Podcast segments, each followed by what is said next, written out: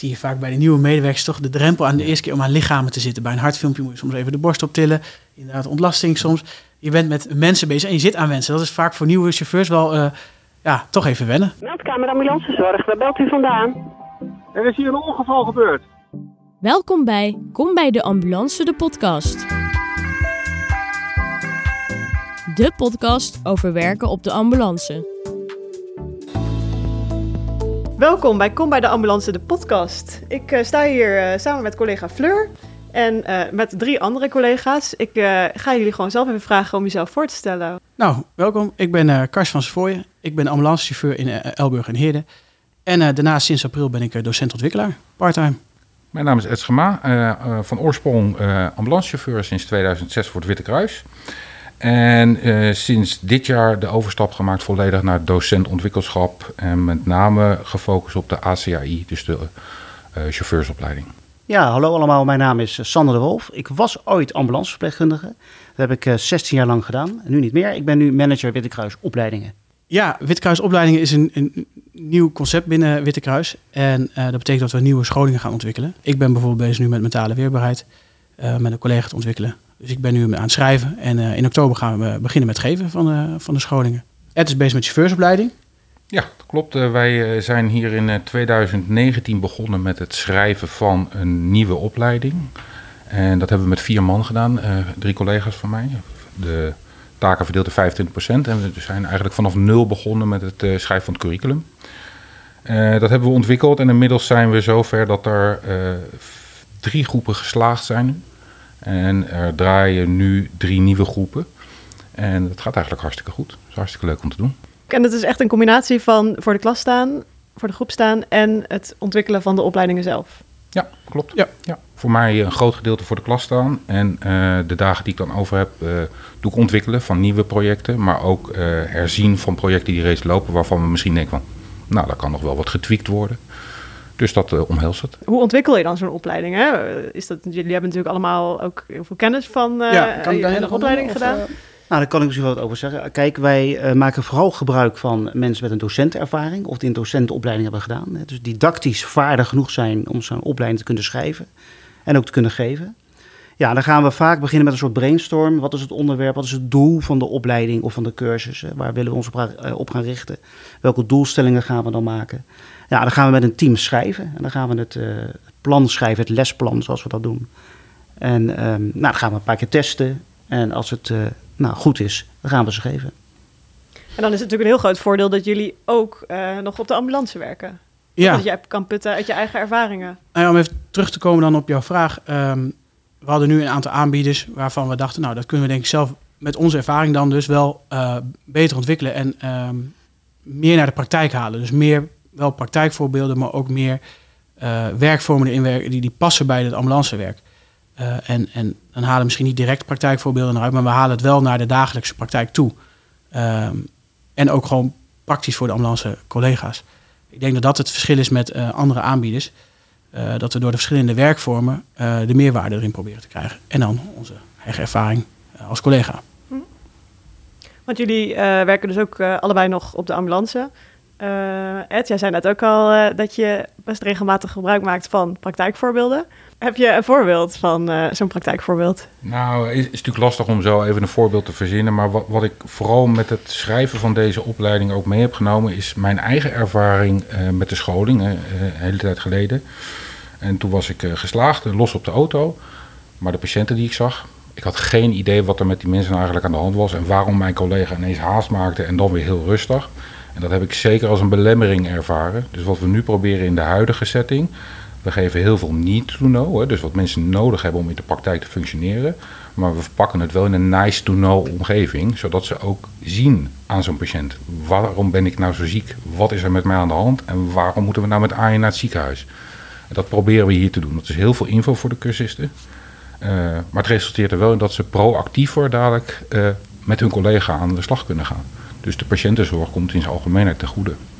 Overigens niet de bedoeling dat die chauffeur met één bil op de verpleegkundige stoel gaat zitten. Want dat is een hele andere tak van sport.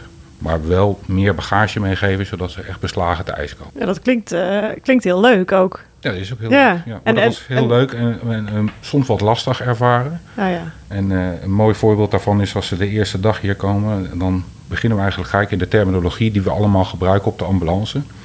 En dan zie je mensen echt kijken van, nou, dit ga ik nooit leren.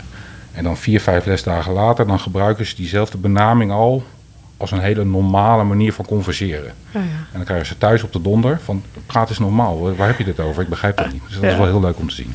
En hoe ziet dat er dan uit, hè? Zo'n, zo'n opleidingsdag of een hele opleiding? Het is natuurlijk een combinatie van praktijk en eh, eh, theorie. Ja. Hoe gaat dat?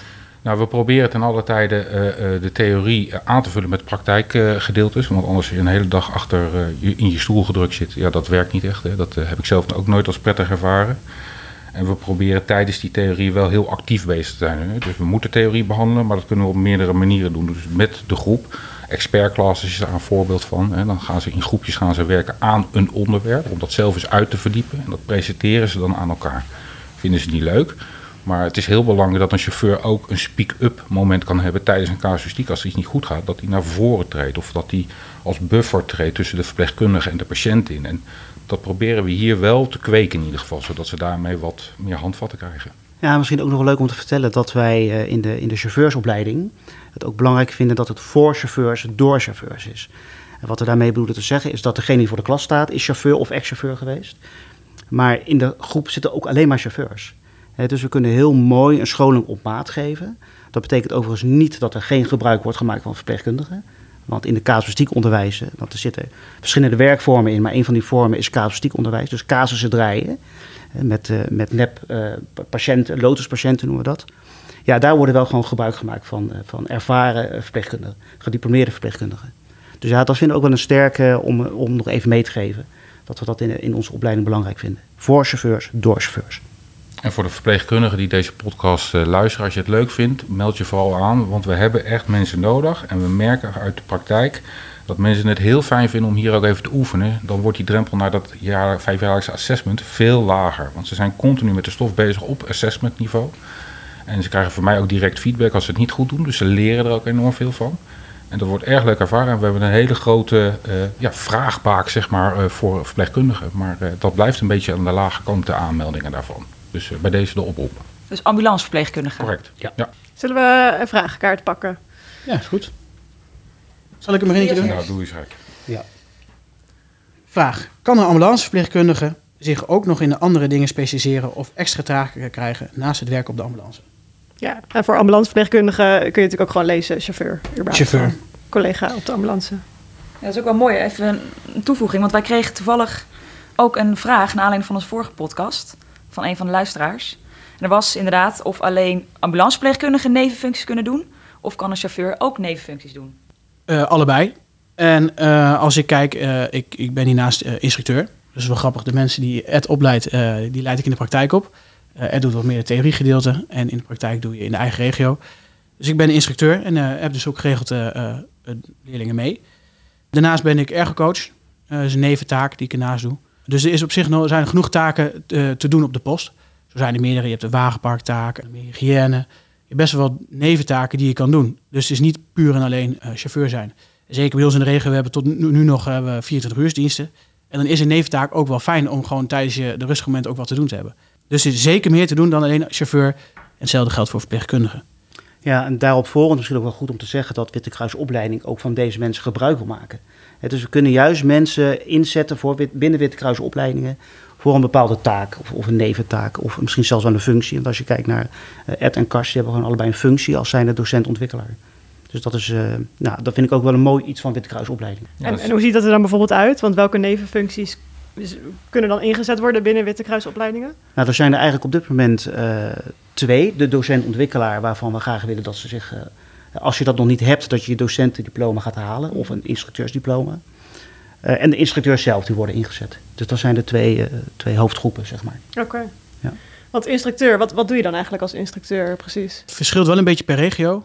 Eh, maar als instructeur begeleid je eh, trainingsdagen, zet je scholingen op. Dus de eh, bekwaamheidsscholing. Je neemt ook de bekwaamheidstoetsing af.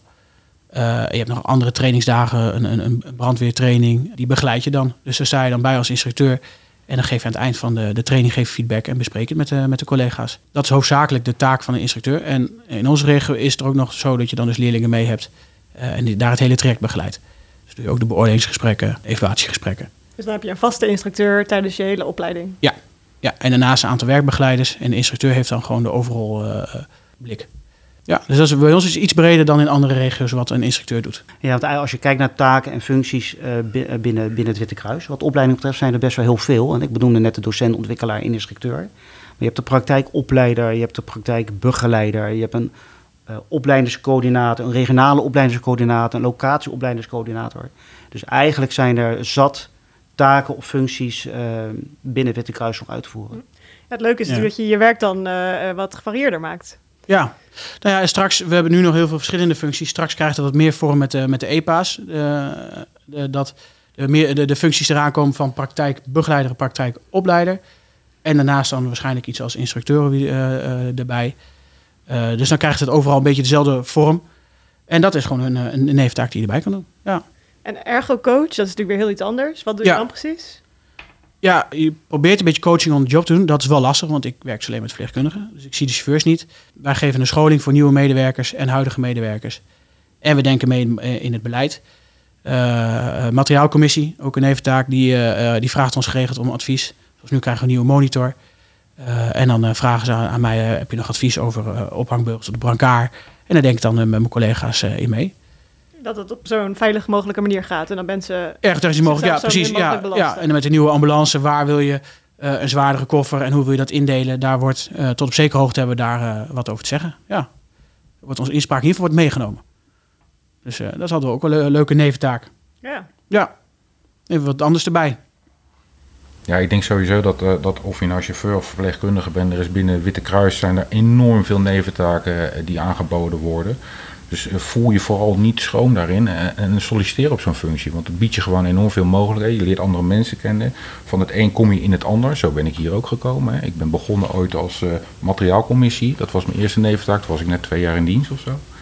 Daarop ben, dat heb ik een hele tijd gedaan. Ik zit daar nog nou, officieel in, maar ik doe daar nu niet heel veel meer mee. En, en eh, ik ben, daarna ben ik eh, bereikbaarheidsfunctionaris geworden. Ik eh, ben bezig geweest met het wagenpark. Zo ben ik ook op een gegeven moment bij het ROCA, dat is het regionaal opleidingscentrum hier in Haaglanden, voor de gehele RAV. En zo ben ik ook weer als Witte Kruisdocent hier gekomen. Dus, dus als je wil, kan je echt een hele leuke groei doormaken. Zowel voor chauffeurs als voor verpleegkundigen. Zat kansen, zeker. Ja. En maak je het jezelf alleen maar uitdagender dan in plaats van die acht uurtjes naar je werk eh, en mopperen als je overwerk hebt. Want dat resulteert het dan vaak in. Ja, zonde. Is zoveel Ja. meer uit te halen. Ja. Ja, en ik vond het ook wel mooi, eh, Ed, wat jij net zei over dat je heel graag je eh cursisten wil laten leren van jouw fouten. Ja. Nou ja, dat is natuurlijk, eh, het is nooit iets om trots op te zijn, maar we maken allemaal fouten. En ik heb dan liever dat zij hier leren van mijn stommiteiten. En dat ze dat meenemen. En heel grappig, dan hoor ik dat af en toe wel eens terug. Als iemand dan zit van, eh, in een meterreflectie, dan hoor ik mezelf, zeg maar, wat ik fout heb gedaan. Dat hun dat meenemen, dat ze een patiënt nooit zou willen laten voelen. Wij komen ergens binnen, binnen een huissetting. Eh, alles moet aan de kant. Iedereen moet zijn mond houden. Het liefst schoppen we iedereen eruit, want wij zijn binnen. We verbouwen die hele woning. Hey, hoe, hoe, gaat, hoe valt dat op bij die mensen thuis? Hè? Hoe ervaren die dat? Nou heb ik dat aan de lijve ondervonden door aan aanleiding van een klacht die binnengekomen was over een bepaalde casus. En die mensen vertelden mij dat, hè, hoe dat over, op hun overkwam. Nou, dat kwam binnen bij mij, want dat heb ik zelf niet zo gezien. Dus als je dat nooit terug hoort, ja, dan ga je misschien ook altijd door in die setting. En vanaf dat moment is er bij mij wel een draai gekomen. Dat ik denk van, nou, dat moeten we misschien maar eens anders gaan doen. Want zo zou ik zelf ook niet behandeld willen worden. En dat speelt allemaal mee, of je nou nachtdiensten hebt en het is de vierde nachtdienst. Dat helpt allemaal niet mee, maar daar kunnen die mensen niks aan doen. Dus neem die in ieder geval mee, dat je niet als hork eh, de hele boel eh, gaat verbouwen daar. Zal ik ook nog een keer vertellen wat ik een fout heb gemaakt of niet? Ja, graag. Ja, ja. Meer, meer fouten, ja. Goed. Ja. Wel binnen het half uur blijven. Ja, ja, ja, ja. Dat was niet met Ed, maar we hadden een keer een brancard laten staan in het ziekenhuis eh, in Amsterdam. En daar kwamen we achter toen we weer in Den Haag kwamen. En ik probeerde mijn collega de schuld te geven, maar dat gaat echt niet, want je bent echt samen, je bent een team. Dus dat was eh, nou, een beetje stom. Kan gebeuren. Dus op lesdag één eh, nooit je brancard ergens laten Ja, heel liggen. belangrijk. Nou, gaat je allemaal een keer gebeuren. En Of dat je in de ambu stapt en dat je geen koffer en monitor bij hebt, omdat Ja. hij naar, uh, naar Wensink is geweest. Dat, uh, Ja. Die verhalen hoor je ook. Ja. Het gebeurt. Ja. Ja. Ja, maar ik kan me Ja. voorstellen dat het fijn is voor nou, iemand die dan bij jullie de les volgt, hoort nou ja, dat de docent ook dat soort eh, ervaring heeft gehad. En dat als dat een keer bij jou gebeurt. Juist. Het, Ja. is, het is niet allemaal zo mooi als het in de folder gedrukt staat. En we zijn allemaal mensen en we gaan allemaal met bepaalde zaken anders om. Maar daar heeft de patiënt of die familie niet heel veel mee te maken. Kijk, er zijn natuurlijk wel grenzen. Hè? En op een gegeven moment als het over eigen veiligheid of onjuist bejegening en dergelijke, dan mag je best voor jezelf opkomen. Maar dat kan ook op verschillende manieren. Dus ja, dat probeer ik ze in ieder geval hier wel mee te geven. Dat ze daarover nadenken voordat ze daar naar binnen stappen. In plaats van dat ze achteraf gaan nadenken. Wat ze ook overigens moeten doen. Want reflecteren is ook een belangrijk spel wat we hier spelen continu. En dat vinden ze ook moeilijk allemaal. En krijgen ze daar nog extra hulp in of trainingen? Zeker, zeker. Ons eh, curriculum hebben we hebben daarin de rode draad en de studiebegeleiding. En daarin eh, vragen we ook geregeld aan de cursisten om een, eh, zelfreflectie te schrijven. Een metereflectie te schrijven. En er komt een betoog in voor. En dan zie je ook met name in het begin van... jeetje, waarom moeten wij dat nou allemaal doen? Hè? We, ja, dat is toch niet onze core business. En de meesten die hier zitten, die hebben ook geen hbo-opleiding. Dus die zijn er nog nooit mee in aanraking gekomen. Dus dat is best lastig om naar jezelf te kijken. Eh, Eerlijk, wat het met je doet. eh, hoe je daarvan kan leren. En wat je eraan kan doen dat het misschien niet meer gebeurt. En daar krijgen we echt hele mooie metereflecties eh, van terug. Van mensen die in het begin zeggen van... nou, dat is niks voor mij. eh, weet je, als er wat is, dan ga ik wel op de wc zitten met haakje erop. Dat hoeft niemand te weten. En dan krijg je toch wel een hele mooie draai daarin. Bij een persoonlijke ontwikkelingstraining. Zeker, zeker, ja. Ja, je hebt natuurlijk wel te maken met mensen en patiënten. En empathie is daar een deel van, maar ook een stukje hoe ervaar ik dingen zelf en hoe ga ik ermee om? Eigenlijk wat jij, eh, Ja. wat jij zegt. Dat is wel een belangrijke. En nou ja, je ziet bij de chauffeurs toch vaak dat ze van nou, of de bouw of defensie of brandweer komen. En dan is het inderdaad wel een hele grote verandering naar de, de medische wereld en ook een heel ander cultuurtje. Ja, daar draai je met metareflectie reflecties wel, eh, maak je daar een belangrijke slag in. Ik wel heel eerlijk zeggen, dat hadden we 15 geleden niet hoeven te doen hoor. Want toen was de ambulance setting en het personeel nog zo inderdaad van nou niet zeuren, gewoon je werk doen. En, eh, en daar is wel een hele ommezwaai ingekomen doordat de tijd veranderd is, maar doordat ook werkgevers en opleiders daar aandacht aan hebben besteed. We zijn niet van stenen, we mogen ook eh, emoties hebben en we vinden niet alles leuk. En eh, sommige dingen doen ons ook pijn. Ja. En daar moeten we ook al gewoon over kunnen praten. Want dat emmertje loopt op een gegeven moment wel een keer vol als je dat niet doet. Dat proberen we ze echt mee te geven hier. En dat is dan met name ook een stukje mentale weerbaarheid eh, waar Karsten mee bezig is. Hopen we daar ook een handvat in te creëren voor die eh, mensen. Dat ze in ieder geval weten welke routes ze moeten volgen als ze voelen dat het niet goed gaat. Nou ja, en jij had net over 15, je 15 jaar is dus heel veel veranderd. Ja. Ehm, heb je ook een idee of een soort visie over nou ja, wat zou er in de komende 15 jaar gaan veranderen? Of wat, wat zou jij nog graag willen terugzien? Ja, dat is lastig om te zeggen natuurlijk. Hè, want de, de, de gezondheidszorg die evolueert in zo'n snel tempo. Hè, de, de van de mensheid die wordt hoger. Mensen zijn minder snel geneigd om iets zelf op te lossen. Eh, dus de vraag naar ambulance eh, zal eh, altijd blijven. Misschien nog wel hoger. Dus er zal een meer differentiatie in gaan komen.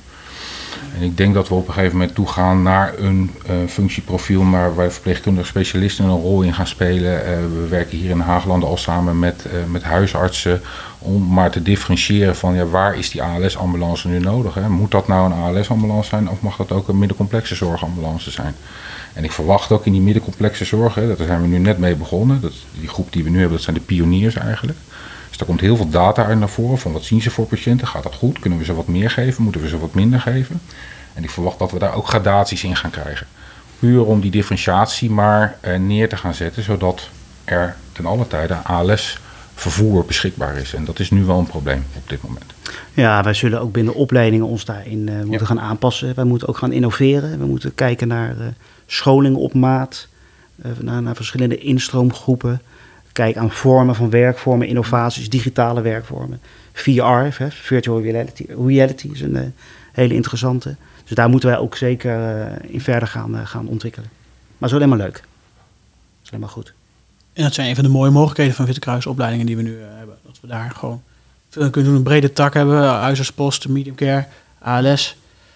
Dus daar kunnen we als Witte Kruisopleiding kunnen daar veel in betekenen straks. Zeker. En werken jullie ook veel samen met, eh, eh, nou ja, met dat soort partijen of uh, ketenpartners? eh, misschien ook in de opleiding al?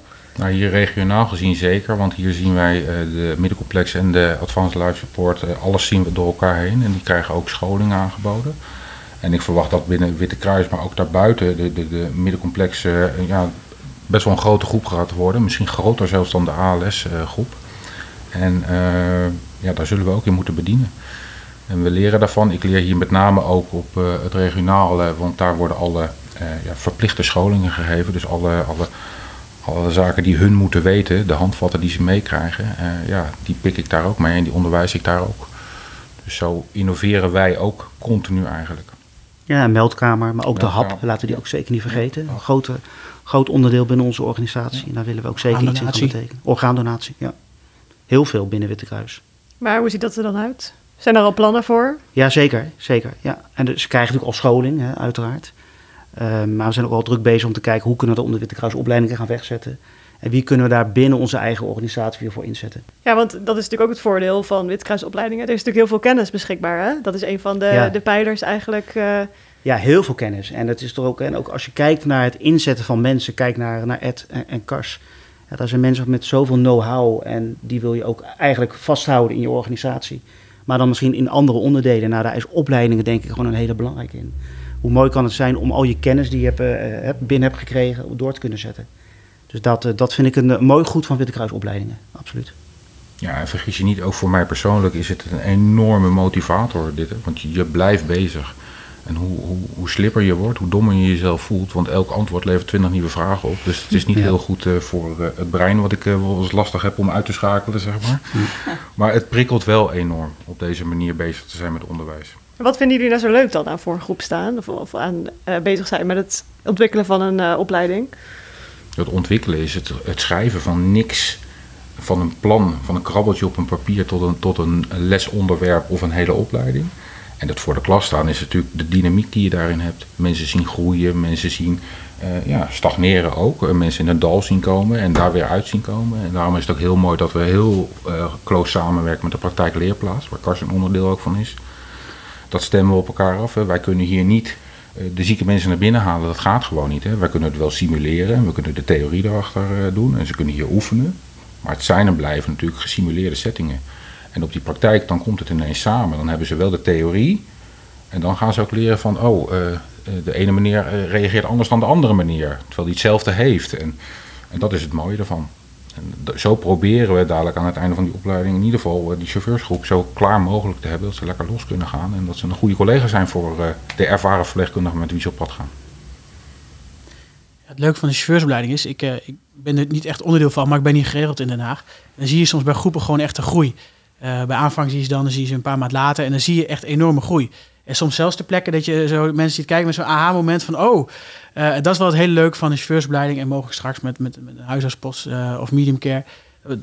Heel leerbaar en een grote groei te zien. En het plezier ook. Het plezier, ja, ja. Want ik loop regelmatig door de gangen hier en dan hoor ik gewoon echt lachen in de, in de, in Ja. de leslokalen. Het plezier wat mensen hebben als ze een nieuw vak leren. Ja. En ja, dat is gewoon geweldig om te zien. Dat is echt leuk. Ja, daar zijn we ook wel heel trots op. We proberen echt een veilige leeromgeving te maken. En dat, ja, dat lukt alleen maar als je eerlijk bent. En open naar elkaar en grenzen stelt. En eh, die spreken we met elkaar af en uit. En ja, tot nu toe werkt dat eigenlijk hartstikke goed. Ik vraag het ze ook regelmatig. En als ik iets merk aan ze, dan neem ik ze even apart. En dan zeg ik, wat speelt er wat en dergelijke. Maar wat we terug horen is dat de veiligheid in ieder geval gewaarborgd is. En daar, ben ik zelf wel heel erg trots op. We hebben het heel leuk met elkaar. We doen echt wel... De ambulance sector is toch wel een zwart randje qua humor. Dat moet je ook hebben. Dat begrijpen buitenstaanders niet zo goed, denk ik. Eh, maar je hebt het echt nodig om het een plekje te geven. En dat, dat zie ik hier ook terug. Dus dat is wel heel leuk. Ja. Nou, ik krijg bijna zin om zelf te beginnen aan de Ja, opleiding. ik was wel benieuwd. Wat, wat moet je dan nog meer hebben volgens jullie? Om bijvoorbeeld als ambulancechauffeur aan de slag te gaan? Een zwart randje humor? Nou, je Eh. moet dingen kunnen relativeren. eh, maar dat moet je leren.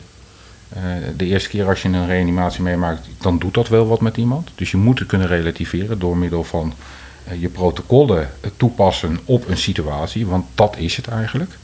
En wat moeilijk is daarin, ja, dat zijn de omstanders, de ouders, noem het maar op, de, de familie. Dat maakt het moeilijk, ons werk.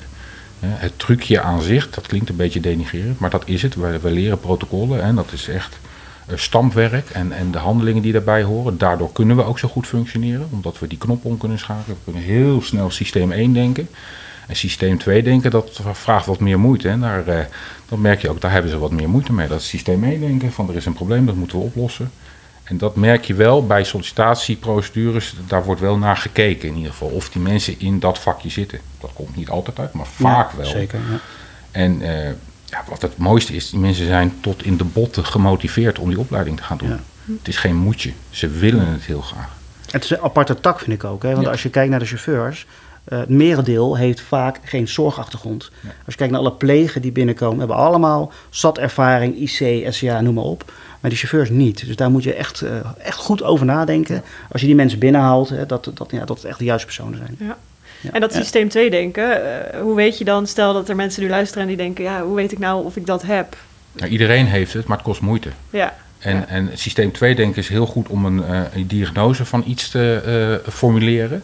En systeem 1 denken, dat is echt op, op je basisscore. Hè. Wat zit daarin gestampt en wat kan ik heel goed? Hm. En systeem 2 denken, die hebben we ook nodig. Hè. Dat is dan ook wel een stukje meer richting de verpleegkundige kant. Hè. Dus met name met, ja, wat heb ik voor diagnose? Hè. Wat is er nou precies met die patiënt aan de hand? Daar zal je een stukje voor terug moeten gaan. Maar daar helpt de chauffeur ook bij. Want die verpleegkundige loopt ook regelmatig vast. En die zegt ineens van, joh, heb je hier al aan gedacht? Of heb je daar al aan gedacht? Oh, goeie. En zo komt dat weer samen. Dus ook echt teamwork op die auto. En het is niet zo dat één alles zelf doet. Dat werkt zo niet. Ze maken het eh, echt samen. En de sfeer, maar ook de veiligheid. Heel belangrijk aspect van een ambulancechauffeur. Waarborg van de veiligheid. En dan in de breedste zin van het woord. Van, van eh, veiligheid op straat. Tot aan eh, veiligheid in een woning. Of, of een dreigende situatie. Dat hij tegen die verpleegkundige zegt van... We gaan weg hier. Het is niet veilig. Dus dat eigenlijk. Ja, je, moet, je moet ook acuut kunnen handelen, maar ook de switch naar kunnen omzetten naar empathie. En eh, soms een hele andere vorm. Dat, bij een reanimatie zie je dat wel eens dat dan de reanimatie lukt. Je bent acuut aan het handelen geweest. Eh, nou, het, stopt thuis en dan krijg je de emotie van de familie. En daar moet je ook mee om kunnen gaan. En dan moet je daar niet als een hork eh, eh, eh, weg willen, maar ook met emoties van familie kunnen handelen. En dat maakt het chauffeursvak wel veelzijdig. Eh, dat je met beide dingen te doen hebt. En ook in korte tijd die switch moet kunnen maken. En, en hoe doe je dat dan? Zo'n zo'n switch? Ja, dat is wel lastig. Dat is aan het begin wel even wennen. Zeker als nieuwe chauffeur. eh, Zo'n reanimatie kan best heftig zijn, eh, wat je net ook al even aanstipte. En ja, dat, dat leer je in de praktijk en ook onder andere die cursus. Ehm, maar het is ook een stukje karakter. Het moet ook wel een beetje in je zitten. Eh, dat je dat ook daarna, na de hand, kun je soms emoties krijgen, dat je dat kan bespreken. met je collega's erover kan praten. Dat moet wel een beetje in je zitten. En daar wordt ook wel naar gekeken bij sollicitaties. Ja, bij aanname doen wij een soort test, de talenten motivatie assessment. En dan kijken we naar welke competentie iemand heeft. En we zijn toch vooral op zoek naar specifieke competenties. Nou, één, die noemt Kars eh, ook eh, empathie. En je moet eh, kunnen zorgen voor mensen. Dat is ook een belangrijk onderdeel Ja. in ons vak. Het is niet allemaal technisch en heftig en allemaal reanimaties. Heel groot gedeelte, misschien 60, 70 procent, is zorgen voor. En dat moet je wel in je hebben zitten. Ik kan de keren niet tellen op mijn handen dat ik een oud dametje of een, of een jongere man of wat dan ook eh, staan douchen. Omdat hij helemaal onder de uitwerpselen zat. Ik vind dat een heel groot gedeelte van ons vak. Ja, zit ik erop te wachten? Nee, natuurlijk niet, maar het hoort er wel bij. En het, het levert me meer problemen op om dat het niet te doen en iemand zo aan te leveren in het ziekenhuis, dan dat ik het wel doe.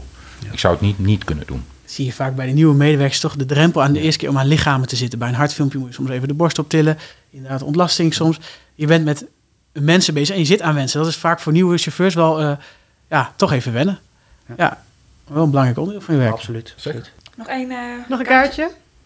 Ja, Oh, ja. jou de eer. Die zijn er ook nog. Ja. Waarom moeten mensen volgens jou bij de ambulance komen werken? Nou, die heb ik net denk ik al uitvoerig besproken. Ja. Het is een schitterend vak eh, wat er is. En je haalt eruit wat je erin stopt. En, en ik denk dat dat de grootste eh, motivator is. eh, nu, zoals je ergens... gaat hij alweer. Je was met een goed verhaal bezig. Ja, maak, maak even je verhaal af. Eh, Het is een mooie afsluiter, denk ik. Ja. Of nog tips misschien voor mensen die twijfelen. ja, twijfelen met name. We zien met name tegenwoordig eh, is, de, is de harde eis C1-rijbewijs Voor chauffeurs. voor chauffeurs. Eh, maak dat bespreekbaar. Want ik denk dat elke werkgever wel misschien daar een beetje omheen kan buigen. Maar het staat heel hard in de tekst. Dus als je de behoefte hebt, maar je hebt dat rijbewijs nog niet, ga eens praten van ja, wat zijn de eisen? Eh, hoe kan ik nou zorgen dat ik er wel bij kom? Zijn er mogelijkheden? Dus dat wil ik eigenlijk nog wel meegeven. Want ik denk dat we een, een hoop mensen missen daardoor. Dat is zonde. Mooi. Mooie afsluiter, denk ik. Ja. Nou, dank jullie wel. Alsjeblieft. Voor jullie tijd en verhaal. Ja. En eh, de luisteraars ook bedankt. En eh, tot de volgende keer. Bedankt voor het luisteren naar Kom bij de Ambulance, de podcast. Ben je enthousiast? Of wil je meer weten over het ambulancevak? Kijk dan op kombijdeambulance.nl